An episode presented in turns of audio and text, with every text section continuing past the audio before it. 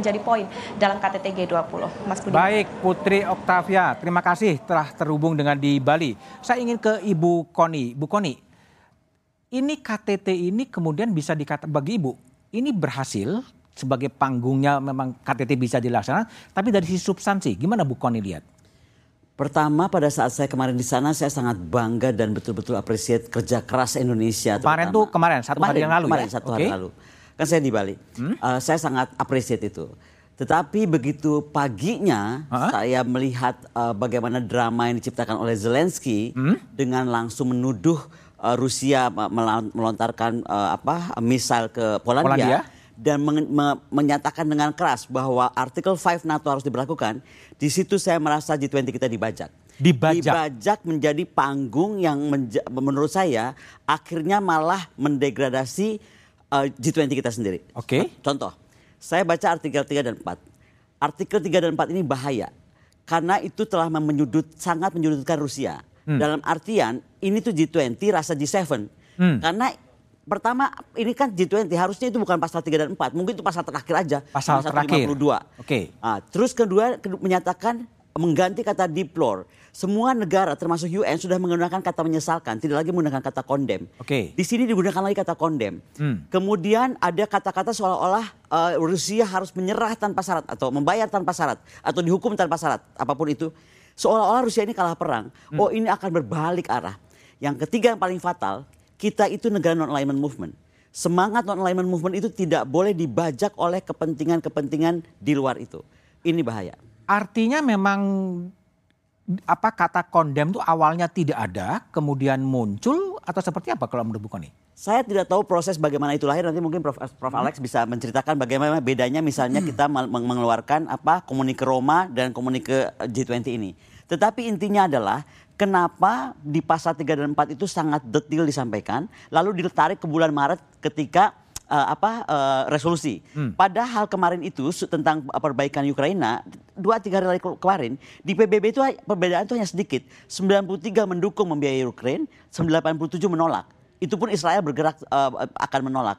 Nah, artinya kan posisinya sudah hampir balance. Tiba-tiba Zelensky ini bikin hmm. panggung ini tadi okay. yang menurut saya sangat tidak fair dan inilah saatnya dunia sadar bahwa kita tidak boleh terus-terusan di apa ya dijebak oleh permainan seperti ini. Dijebak oleh permainan. Malah kalau saya lebih jauh mohon maaf Pak Budi ya. Uh, Pak Budi pernah dengar nggak? Sebenarnya Geneva Convention itu sudah harus um, memasukkan artikel tentang bagaimananya bahayanya uh, hoax. Oke. Okay. Jadi sekarang ini sebenarnya dengan kejadian G20 kita dibajak oleh statementnya Zelensky tentang adanya bom di Polandia, maka kita harus mendorong di apa Geneva Convention tentang hoax. Hmm. Karena okay. kenapa? Kita ribut perang nuklir kan? Ya. Perang nuklir itu masih jauh, tapi kita bisa perang nuklir ketika Zelensky mengeluarkan hoax semacam itu, okay. diiakan oleh NATO, artikel 5 keluar. Eh okay. apa artikel 5 malah kacau ya. Malah kacau. Prof Alek, jadi kalau baca deklarasi G20 kan menghendaki agar penyelesaian perang di Ukraina dan Rusia itu dibawa ke meja perundingan dengan dialog atau diplomasi. Apakah mungkin sekarang dalam posisi sekarang? Ya, saya melihat bahwa sebelum saya ke sini Mas Budi, saya melakukan penelitian kecil membandingkan deklarasi yang hari ini dan yang tahun lalu okay. di Roma saya lihat judulnya sama huh? tetapi setelah saya teliti ke bawah yang di Roma itu dulu uh, prosesnya dari dari bawah menteri itu dari semua menteri. judulnya komunike komunike ha, saya lihat yang deklarasi yang ini hanya satu yang judulnya komunike dan itu yang dikeluarkan 17 Februari. Oke. Okay. Lalu saya pikir uh, eh, 24 Februari kan ya uh, Ukraina itu di ini serang Rusia. Ternyata memang semua apa namanya uh, dokumen setelah uh, 17 Februari itu judulnya semua adalah chair summary. Chair summary. Chair summary. Artinya uh, tidak ada kesepakatan di tingkat bawah yang diresmikan di Bali ini. Sehingga interpretasi saya adalah betul ini deklarasi dari G20 tapi mungkin lebih merupakan bukan statement of commitment hmm? tapi statement of intention lah katakanlah statement of intention ya hmm. maunya melakukan begitu sehingga saya pikir kita harus kritis melihatnya uh, karena mungkin komitmen itu bisa dikatakan tidak ada Karena kalau di tingkat menteri tidak ada kesepakatan, masa presidennya langsung mesahkan kan satu Dalam tanya bacaan besar kan? ini datang dari atas ya? Ya, ini kan prosesnya mulai dari bawah kan, di tingkat menteri dulu toh, menteri sepakat, lalu akan disahkan di di Bali, lalu keluarlah statement itu toh, Oke. sehingga menjadi komunike, ya. Tetapi yang saya lihat itu semuanya chair summary. Chair summary. Ha, di atas 17 Februari itu, berarti setelah kejadian di Ukraina. Nah, sehingga menimbulkan pertanyaan kita ke depan, apakah poin-poin yang tadi dilaporkan wartawan Anda itu semua bisa dilaksanakan atau tidak? Nah, ini kan nuansa politiknya tinggi sekali. Eh, dan juga akan menimbulkan polarisasi yang mungkin makin besar. Makin Lebih besar ya? Ya, Oke. karena saya menduga Rusia akan bereaksi. Hmm? eh, mengapa saya, kenapa blame itu semua sama saya? Oke, Ya. oke, baik, baik. Dave, ya. ini kan pemerintah kan telah berupaya total ya, Luar biasa. ya, untuk apa Ya, mendamaikan antara Ukraina dan Rusia. Ya. Tapi apa sih yang bisa dikerjakan oleh Komisi 1 DPR untuk membackup agar upaya untuk menciptakan perdamaian di muka bumi itu bisa berhasil? Tapi jawaban Dave setelah jeda berikut ini.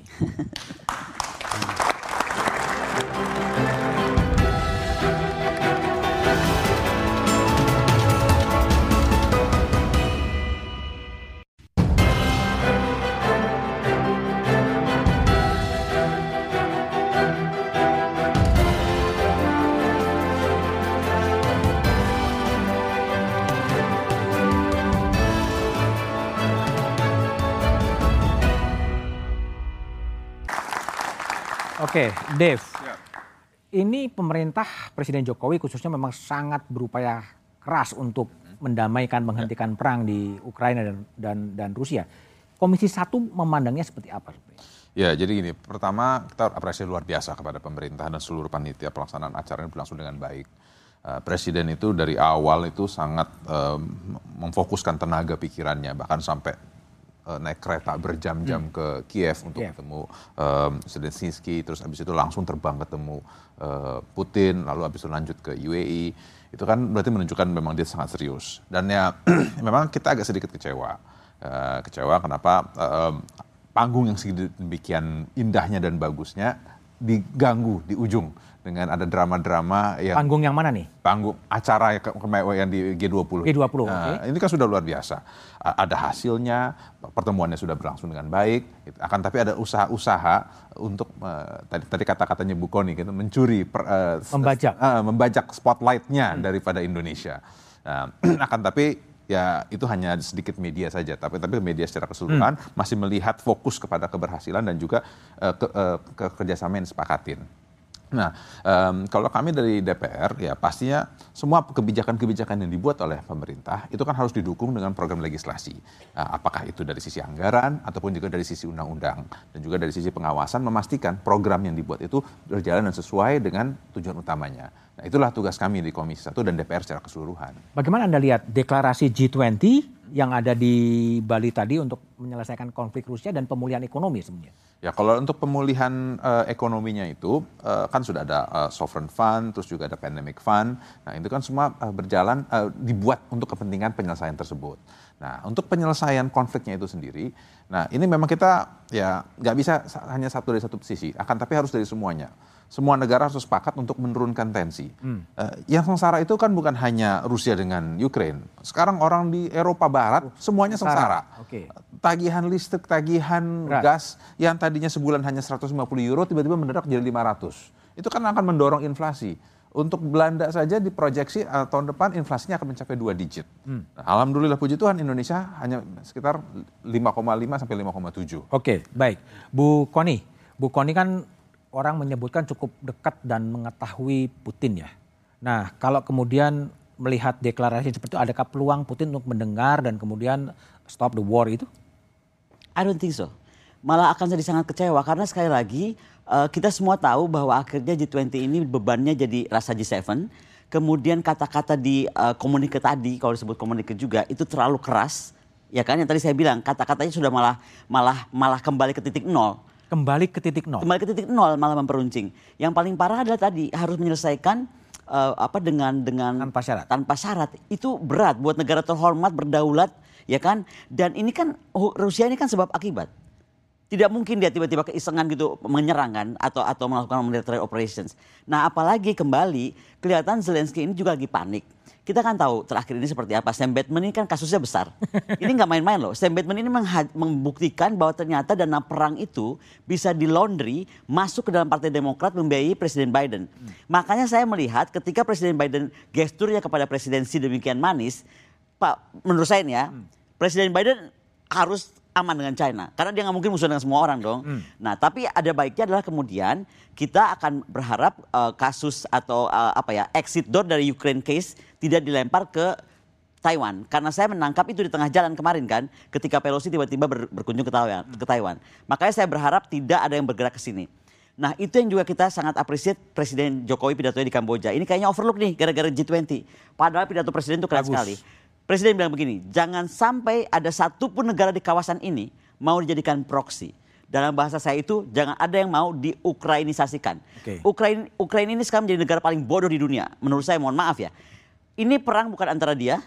Perangnya kecil lah kalau antara dia itu bisa diselesaikan kalau dia duduk. Ayo ngajak. Tapi kemudian itu jadi ladang perangnya orang terhadap Rusia di tanah dia.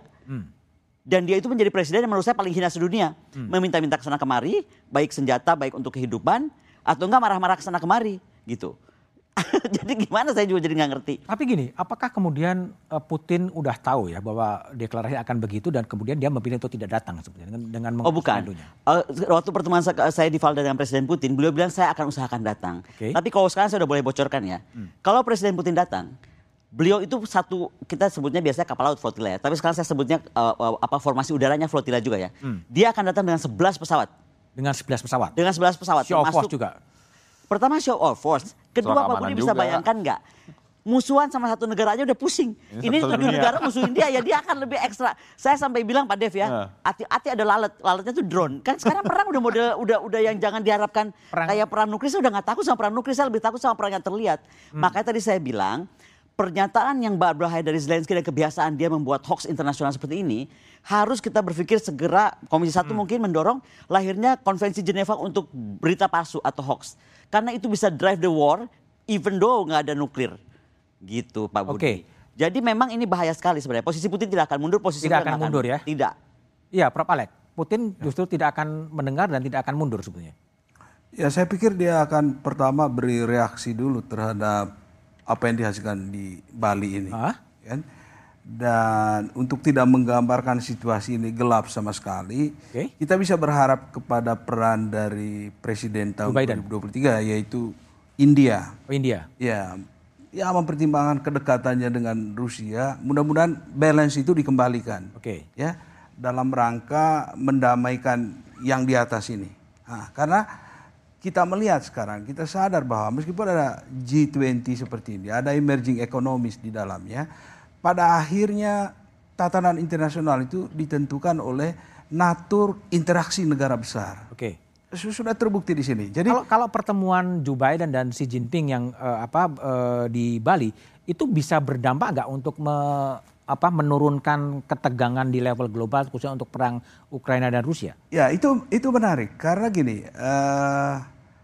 da- kalau kita ikuti pernyataan dari Biden maupun dari Xi Jinping, arah pragmatisme itu ada. Ha, keduanya menyadari bahwa tidak ada guna meningkatkan kompetisi kita ke level konflik. Kita akan dirugikan. Lebih baik kita kerjasama. Dan dari situ mereka mulai menyusun yang kita harus nanti monitor tindak lanjut dari pertemuan di Bali itu. Kalau itu nanti memang mereka serius bahwa mau menekankan interdependensi mereka, kerjasama mereka, maka itu berita baik bagi kita. Oke. Ha, karena startnya nanti harapan kita dari situ, kalau Cina dan Amerika itu bisa kerjasama, mungkin bisa mengkondisikan eh, semua yang lain. Tetapi spirit yang ada di balik eh, poin-poin deklarasi Bali ini memang sedikit mencemaskan karena Mencemaskan. politiknya itu tinggi Lebih dominan sekali. ya? Terlalu kental. Terlalu kental. Alinea pembuka itu poin satu, poin dua itu udah dimulai dengan politik dan itu menentukan tone Ke belakang, eh, eh, bawahnya. the whole draft. Ke 52 pasal. Iya, ke bawah itu memang bagus semua statement itu yang menyangkut krisis yang terjadi multidimensi sekarang semuanya bagus, tapi kalau politiknya ini tidak mengizinkan, sulit juga. Tapi Gitu, memang jangan itu memang jadi jadi apa atensi publik juga isu politik itunya sebenarnya lebih dominan sebetulnya. Iya, orang kalau baca dokumen itu kan dia lihat yang pertama itu apa kan, Mas? Karena itu membuka yang ke bawah kan. Kalau di situ dibuka dengan suatu nada atau frame politik, nah itu menentukan seluruhnya. Itu nanti bagaimana itu dilaksanakan. Belum lagi kalau kita mempertimbangkan proses yang kita tahu selama ini ya. Tadi yang saya bilang hanya chairs summary ya, bukannya kesepakatan. Artinya kita masih mempertanyakan kira-kira compliance dari negara-negara ini nanti terhadap kesepakatan itu seperti apa. Karena di dalam satu penelitian yang dibuat oleh pusat studi di Kanada itu, jadi keberhasilan KTT itu diukur dari tingkat compliance terhadap item-item yang disebut di situ. Nah pertanyaannya, oke mari kita lihat eh, compliance negara-negara ini atau anggota ini dalam satu tahun ke depan. Kan dari poin-poin yang ada di deklarasi ini. Tapi kita bertanya juga, lah apakah itu memang mereka akan comply, sedangkan itu tidak dimulai dalam satu proses yang wajar, dimulai dari kesepakatan menteri lalu disahkan di tingkat kepala negara. Nah ini yang menjadi eh, pertanyaan kita dan eh, mungkin suatu saat kita akan dapat jawabannya bahwa deklarasi ini seperti yang saya katakan tadi ya betul deklarasi tapi eh, declaration of intention not declaration of commitment karena kalau komitmen itu ya pemerintah pasti mulai dengan proses yang seperti selama ini sudah dilakukan ya menteri Oke. sepakat dulu oke ini komitmen kita ini sesuai dengan kepentingan nasional kami kami tanda tangan kan gitu ya Baik. Oke, saya ke Ibu Ruhaini. Bu Ruhaini. Ya, Bu Ruhaini eh, mungkin akan eh, bergabung kira-kira bagaimana dengan apa hasil dari G20 yang baru ditutup tadi tapi tanggapan dari Bu Ruhaini setelah jeda berikut ini.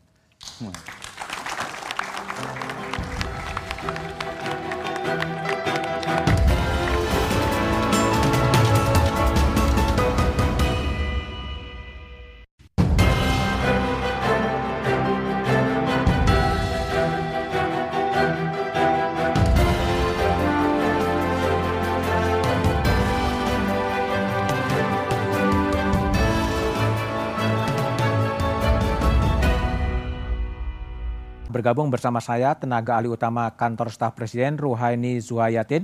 Bu Ruhaini, malam Bu. Selamat malam Mas Budiman. Bu, ini Presiden Jokowi kan sudah berkunjung ke Kiev, ke S- Rusia dan hari ini dengan deklarasi G20 juga berupaya untuk mendamaikan, menghentikan perang. Sebetulnya apa concern dari Presiden Jokowi sekedar menjalankan tugas konstitusi untuk menciptakan perdamaian di dunia atau seperti apa, Bu? Em, pertama Mas Budiman, eh, saya ingin menyapa juga para eh, narasumber ya yang yang ada Eh. di studio dan saya mohon maaf tidak bisa hadir karena eh, saya harus di Solo dengan Ya, Bu. untuk eh, muktamar. Yang pertama adalah begini Mas, tentu pertama eh, yang mendorong itu adalah eh, bahwa itu adalah eh, mandat konstitusi itu pertama ya. Tetapi yang kedua seperti juga yang pernah kita diskusikan bahwa memang konflik itu dan perang itu eh, membawa dampak secara global ya dan sa- apalagi saat ini kita masih belum eh, eh, betul-betul pulih dari pandemi, kemudian eh, tentu saja pandemi itu sendiri juga kemudian membawa dampak krisis ekonomi dan lain sebagainya. Dan tentu saja konflik ini eh, kemudian eh, lebih memper- eh, mempersulit eh, kondisi global. Dan kebetulan ya kemudian eh, presidensi G20 itu ada di Indonesia dan eh, presidensi G20 ini menjadi sangat eh, apa namanya eh, berbeda gitu karena memang situasi eh, politiknya eh, demikian dan juga eh, adanya pandemi sehingga juga itu krisis ekonomi terjadi sehingga apa yang disampaikan oleh presiden tentu saja menyangkut dua hal tadi itu satu mandat eh, Konstitusi? yang kedua adalah keharusan untuk mengadres isu itu secara global. Ibu, jadi setelah deklarasi G20 di, di apa diadopsi, nah apa yang akan harus dilakukan oleh pemerintah Indonesia juga agar betul-betul suara khususnya untuk stop the war itu bisa bisa terlaksana di lapangan, Bu?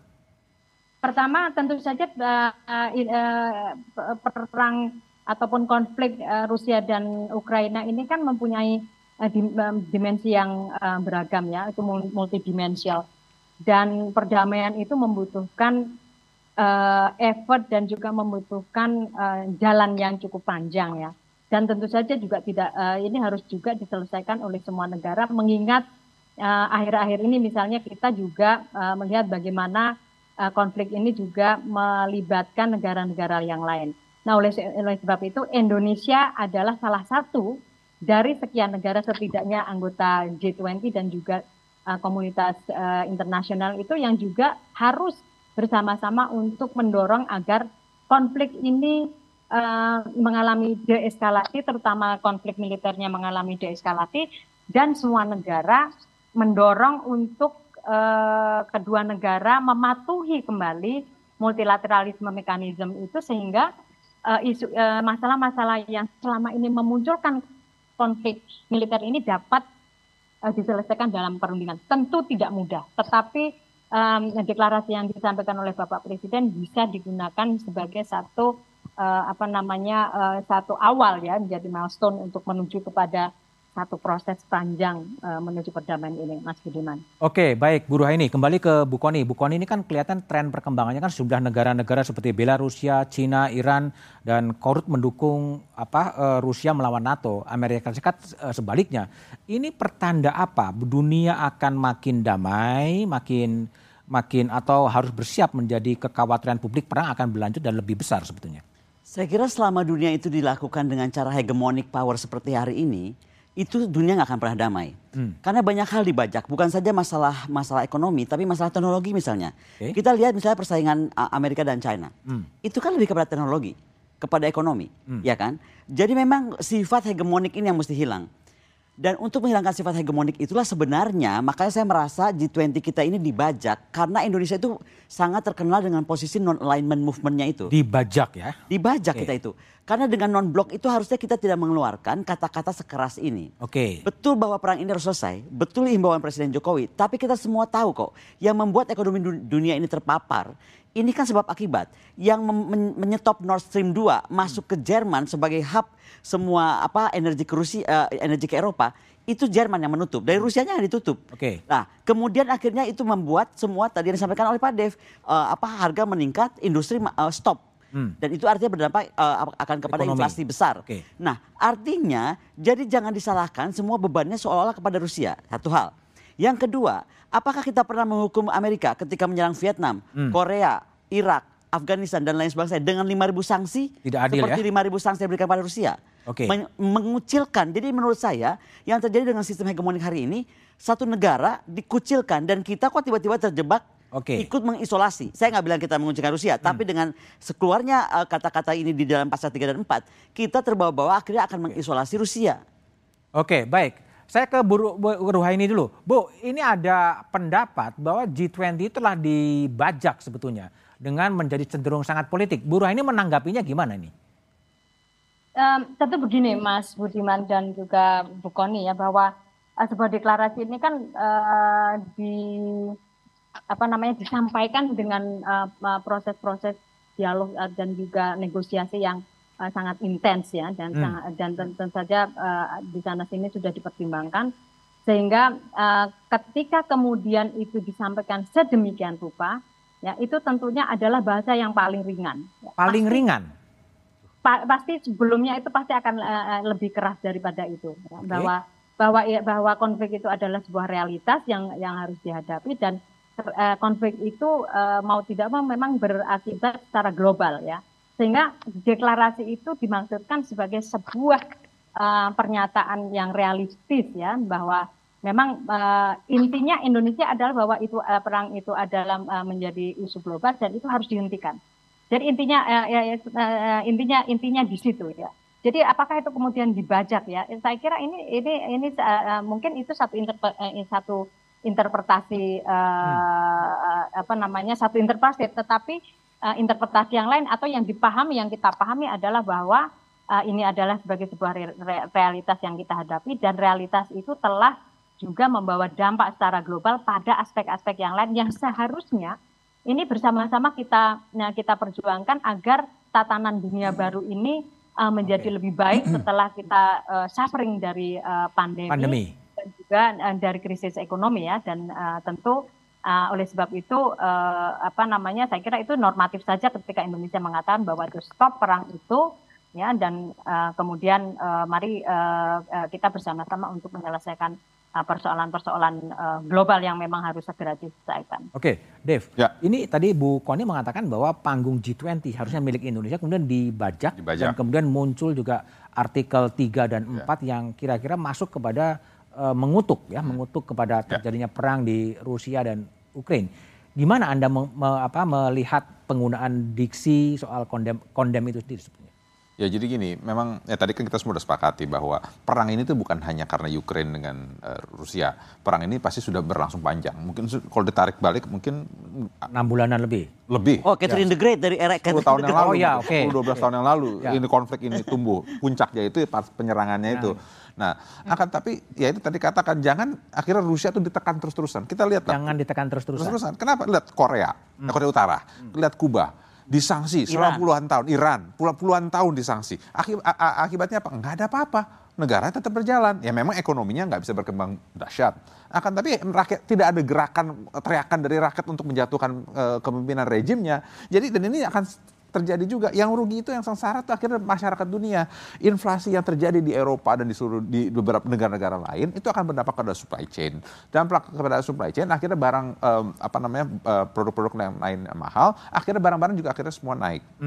Contoh aja, handphone. Ya, sekarang kan baru tuh eh, Samsung yang Z, eh, Z4 baru keluar. Itu susah barang di mana-mana. Kenapa? Karena chipsnya susah dapatnya. Nah, karena itu juga dampak dari perang.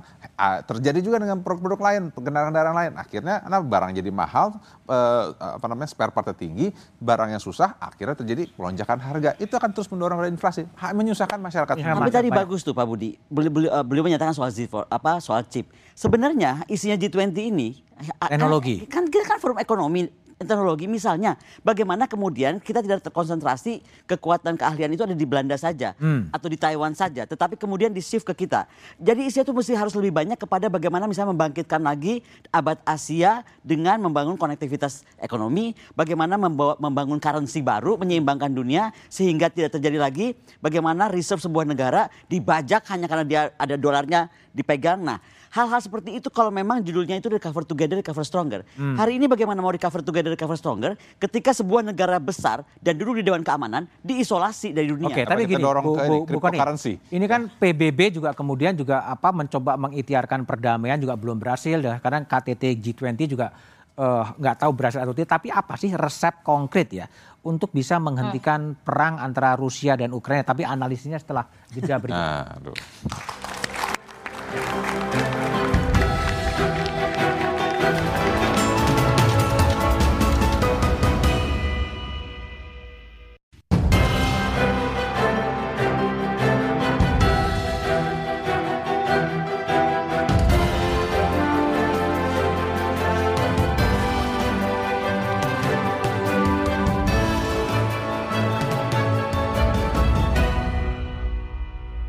Satu meja The Forum kembali ke Bu Koni Rahakundini. Bu, sebetulnya apa sih ini perang yang fisik ya, eh, udah hampir enam bulan sejak Februari sampai sekarang.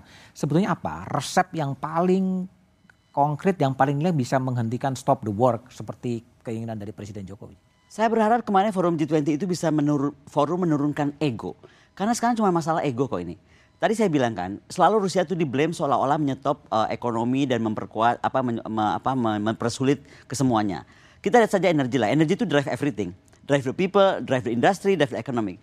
Yang menyetop Nord Stream itu siapa? Ditutupnya di mana? Itu di Jerman. Jerman itu apa? Jerman itu hub untuk ke seluruh Eropa. Jadi kan artinya ini ada ego. Nah ini menurut saya harus selesai adalah bagaimana ego itu diturunkan atau dihilangkan. Persisnya gimana yang dimaksud dengan menurunkan ego itu? Ya akhirnya sadari saja bahwa Rusia itu unbeatable. Kalau kita- Unbeatable. unbeatable dia survive dengan 5.000 sanksi. Saya bilang Presiden Jokowi, eh Presiden Jokowi, Presiden Putin itu sepertinya mengcopy paste semua pemikiran Bung Karno dan juga si, eh, apa cara ber- eh, Bung Karno eh, survive. Misalnya berdikari. Berdikari itu dilakukan betul. Ketika Swift Code dimatikan dari dunia, perdagangan dia terhenti, dia bikin Swift Code baru. Ketika internet dimatikan, dia bikin. Nah, sekarang persoalannya mampukah orang lain begitu? Tidak mungkin. mungkin. Tapi Rusia mampu. Jadi menurut saya kata-kata semakin keras atau dengan mengancam dia seolah-olah tanpa syarat harus menyerah, itu sepertinya posisi Ukraina itu menang perang atau posisi NATO menang perang. Oke. They not win anything. They are menurut saya dia tuh Ya. malah, malah, malah makin mundur. Yang tadi Pak Dev sampaikan, kalau sampai dua digit inflasi selesai Eropa, Pak. Oke, baik. Pak Alexius Jemadu. Ya. Ini gimana kalau menurut Anda tekanan internasional sudah diberikan kepada Rusia dan sekarang juga lewat eh, PBB, lewat eh, KTT G20 juga menyuarakan penghentian perang. Ini bisa efektif atau ada cara lain sih untuk menghentikan perang itu sendiri? Iya, eh, yang umum dilakukan itu adalah seruan normatif seperti itu. Normatif. Jangan berperang dan eh, turunkan ego semua, ya kan? Nah, tetapi gini, di dalam hubungan internasional itu ada dua narasi utama yang melibatkan negara besar, yaitu yang pertama narasi interdependensi ekonomi. Oke. Dan narasi yang kedua itu kontestasi kekuatan, Oke. power politics. Ya, sekarang pertanyaannya apa yang bisa kita lakukan supaya mereka bisa interdependensi ekonomi yang itu lebih dikedepankan. Nah, kita lihat China, apa yang dia lakukan di Asia ini, ya meskipun dia bicara masalah Taiwan, tapi akhirnya bicara juga dengan Biden dia kan. Nah, China ini dia sangat mengutamakan interdependensi ekonomi. Tidak hanya di situ, dia institusionalisasikan juga kerjasama ekonomi itu. Sehingga dia bisa menguasai jejaring ekonomi yang ada di sini dan peaceful. Peaceful. Nah, bagaimana mengajak Amerika supaya juga dia diuntungkan oleh interdependensi ekonomi ini. Nah, supaya dia tidak hanya fokus pada kontestasi kekuatan. Karena kalau negara besar itu kontestasi kekuatan, yang dia cari itu apa? Military preponderance, keunggulan militer. Iya kan? Setiap negara adik kuasa pasti yang dicarinya itu keunggulan militer. Nah, apa yang Indonesia bisa lakukan sehingga narasi interdependensi ekonomi Lebih yang mengemuka. dikedepankan. ASEAN sudah melakukan itu di ASEAN Outlook of Indo-Pacific. Kalau itu- persisnya Indonesia bisa memainkan peran apa di antara kontestasi dan kemudian interdependensi itu sendiri? Ya, pertama kita kan mempunyai platform di ASEAN. ASEAN itu begitu-gitu penting dia, Mas. Itulah yang membedakan antara kawasan Eropa dan Asia. Di Eropa itu tidak ada ASEAN. Nah, jadi di Asia ini banyak trouble spot, South China Sea, Taiwan, Korean Peninsula, tetapi ada satu entitas regional kecil Oke. yang bisa mengumpulkan negara-negara besar itu Dan bicara. mekanisme ASEAN setidaknya mereka bisa berdialog di situ dan duduk bersama. Di Eropa absen entitas regional itu. Karena itu penting sekali platform ASEAN ini untuk tadi kita mengedepankan itu interdependensi ekonomi dan banyak sekali institusionalisasi kerjasama ekonomi ini yang berpusat di ASEAN.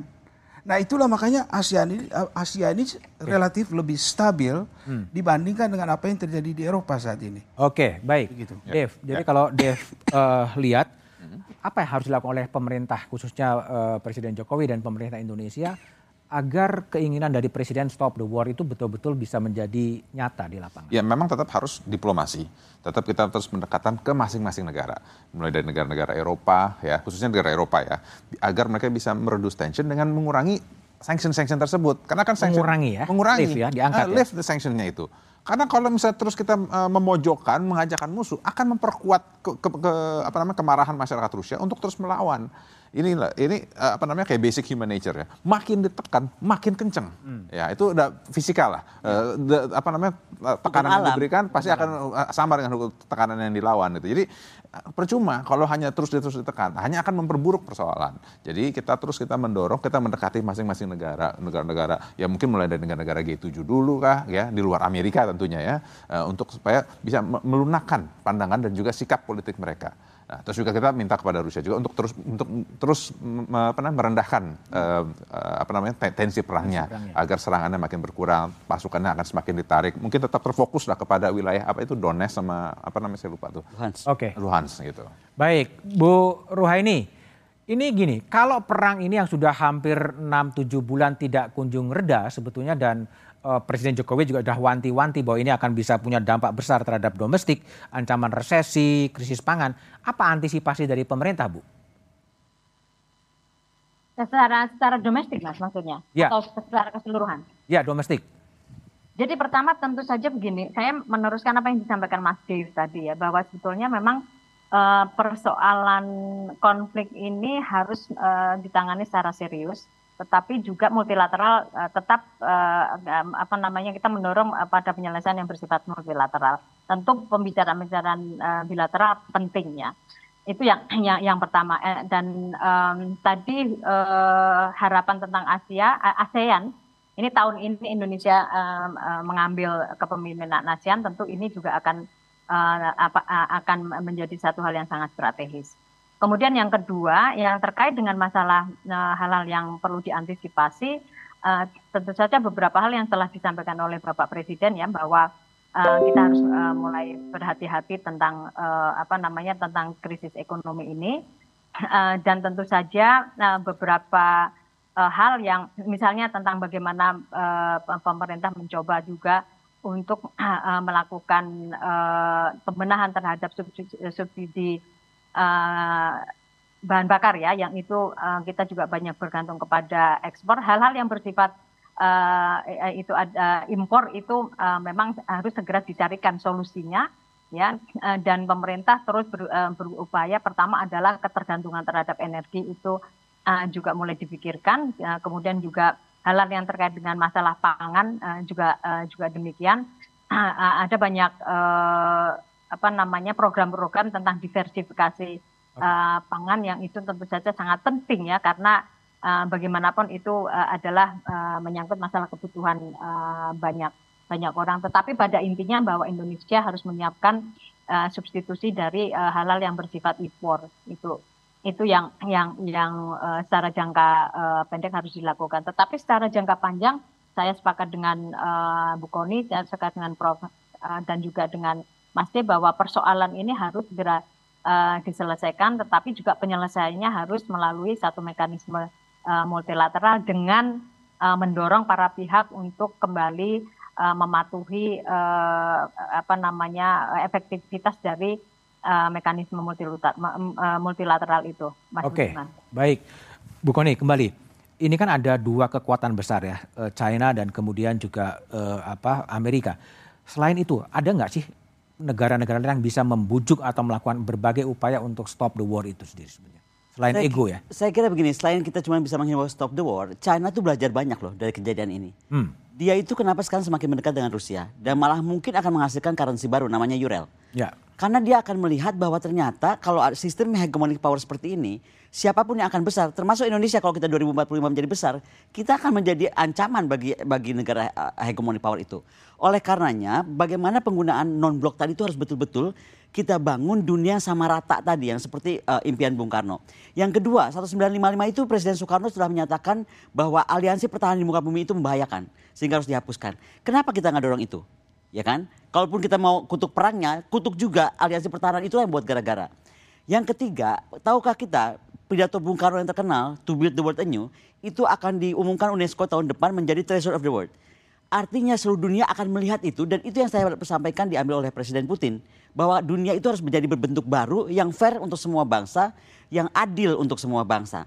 Nah, sekarang bagaimana mau adil kepada Rusia ketika kita mau bicara aja dia nggak mau di, di, dikucilkan. Dikucilkan. Tapi ada yang paling penting dari komunike yang sebanyak itu.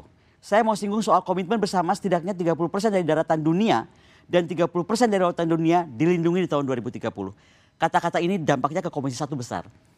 Ketika kita ngomong dilindungi sebuah kawasan, lautan atau daratan, Okay. Kita melihat kemampuan militer kita mampu tidak melindungi. Hmm. Karena dengan kemampuan hegemonic power, they can claim kita tidak mampu melindungi dan they can come. Mereka bisa datang karena kamu tidak mampu melindungi. Hmm. Nah, bagaimana kesiapan Indonesia melahirkan komunike, komunike, komunike ini kalau kita tidak kemudian tidak bisa menjaga hutan kita, okay. laut kita akan backfire terhadap kita. Oke, baik Bu Koni, terima kasih telah bergabung di satu terima meja. Kasih. Pak Alex, makasih. Ya. Yes. Bung Dev dan Bu Ruwaini, terima kasih telah bergabung di satu meja The Forum. Deklarasi pemimpin G20 telah disepakati di Bali. Pesan perdamaian penghentian perang di Ukraina telah disuarakan. Perang membawa kehancuran dan hanya mengakibatkan penderitaan manusia. Deklarasi hanya menjadi retorika jika tak ada aksi nyata dan sikap bertanggung jawab pemimpin dunia untuk menghentikan peperangan dan menghadirkan perdamaian. Demikian satu meja The Forum malam ini. Sampai jumpa pekan depan. Selamat malam dan terima kasih.